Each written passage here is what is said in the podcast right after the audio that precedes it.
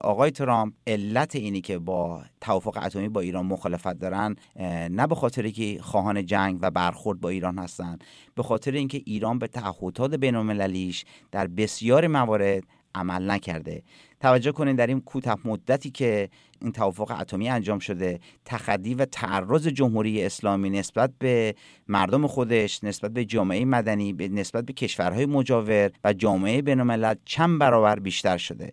و اینجور تخدی و اینجور تعرض و اینجور قانون شکنی در, در وجود این قرارداد اتمی نمی گنجه و به این وسیله ما فکر می‌کنیم که دولت جمهوری اسلامی هم احتمالا پایبند به غنی نکردن اورانیوم که در این قرارداد ذکر شده نخواهد بود. آقای ترامپ در این عقیده هستند که هر گونه توافق اتمی با ایران باید شامل تعهدات بین المللی ایران و, و آوردن شفافیت بیشتر در ماهیت رژیم و عملکرد رژیم نسبت به مردم خودش و کشورهای مجاور باشه.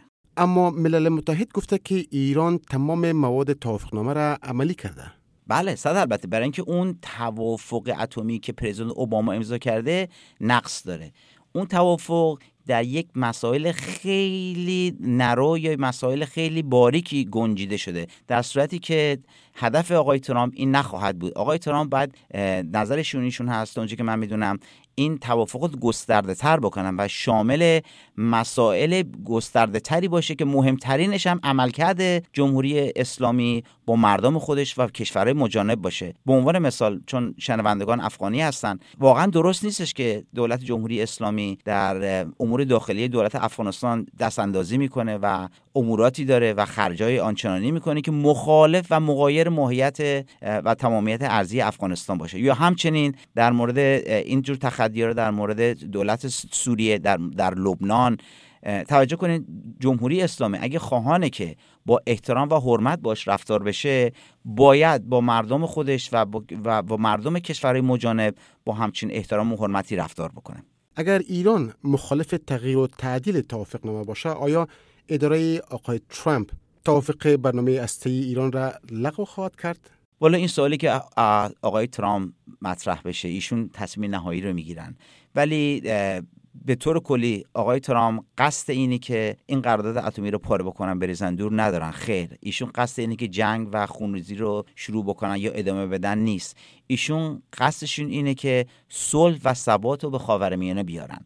و تو اونجایی که براشون مقدوره از طرق صلح آمیز و طرق مش... و مسالمت آمیز و مذاکره این مسئله رو می‌خوان حل بکنن. البته نگفته نمونه که مسئله نظامی همیشه یک آپشن یک انتخابی و یک گزینه هست و من امیدوارم دولت جمهوری اسلامی و و افرادی که حامیش هستن از این نکته دست عبرت بگیرن و سعی کنن با امور بین المللی و و دولت آمریکا در این زمینه همکاری کنن در جریان مبارزات انتخاباتی آقای ترامپ گفت که داعش را محو خواهد کرد. چگونه توجه کنیم بعد برای مقابله داعش به توجه کنیم که علت اینه که این داعش به وجود اومده چیه. من فکر می‌کنم علت به وجود اومدن داعش اینه که 35 سال دولت جمهوری اسلامی به شیعه افرادگرا کمک مالی کرده و و ملیشا و گروه های نظامی رو در کشورهای مختلف خارج از خاک خودش تقویت قوی کرده. به تب دولت های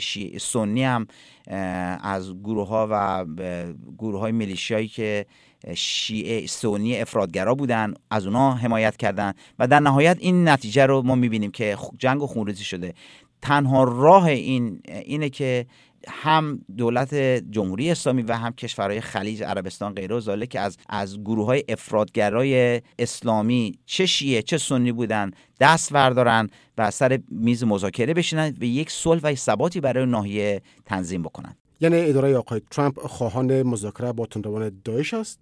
والا اون ما فکر نمی کنیم بتونیم با داعش مذاکره بکنیم ولی با افرادی که کشورهایی که شاید از داعش حمایت می‌کنن شاید بعضی از کشورهای ناحیه خلیج فارس و که اسم نمی‌خوام بیارم با اون کشورها صحبت بشه چون منابع مالی داعش و برخی از اون کشورها حالا تامین کردن و این این نوع تامینات متغایر به منافع آمریکا و صلح خاورمیانه است.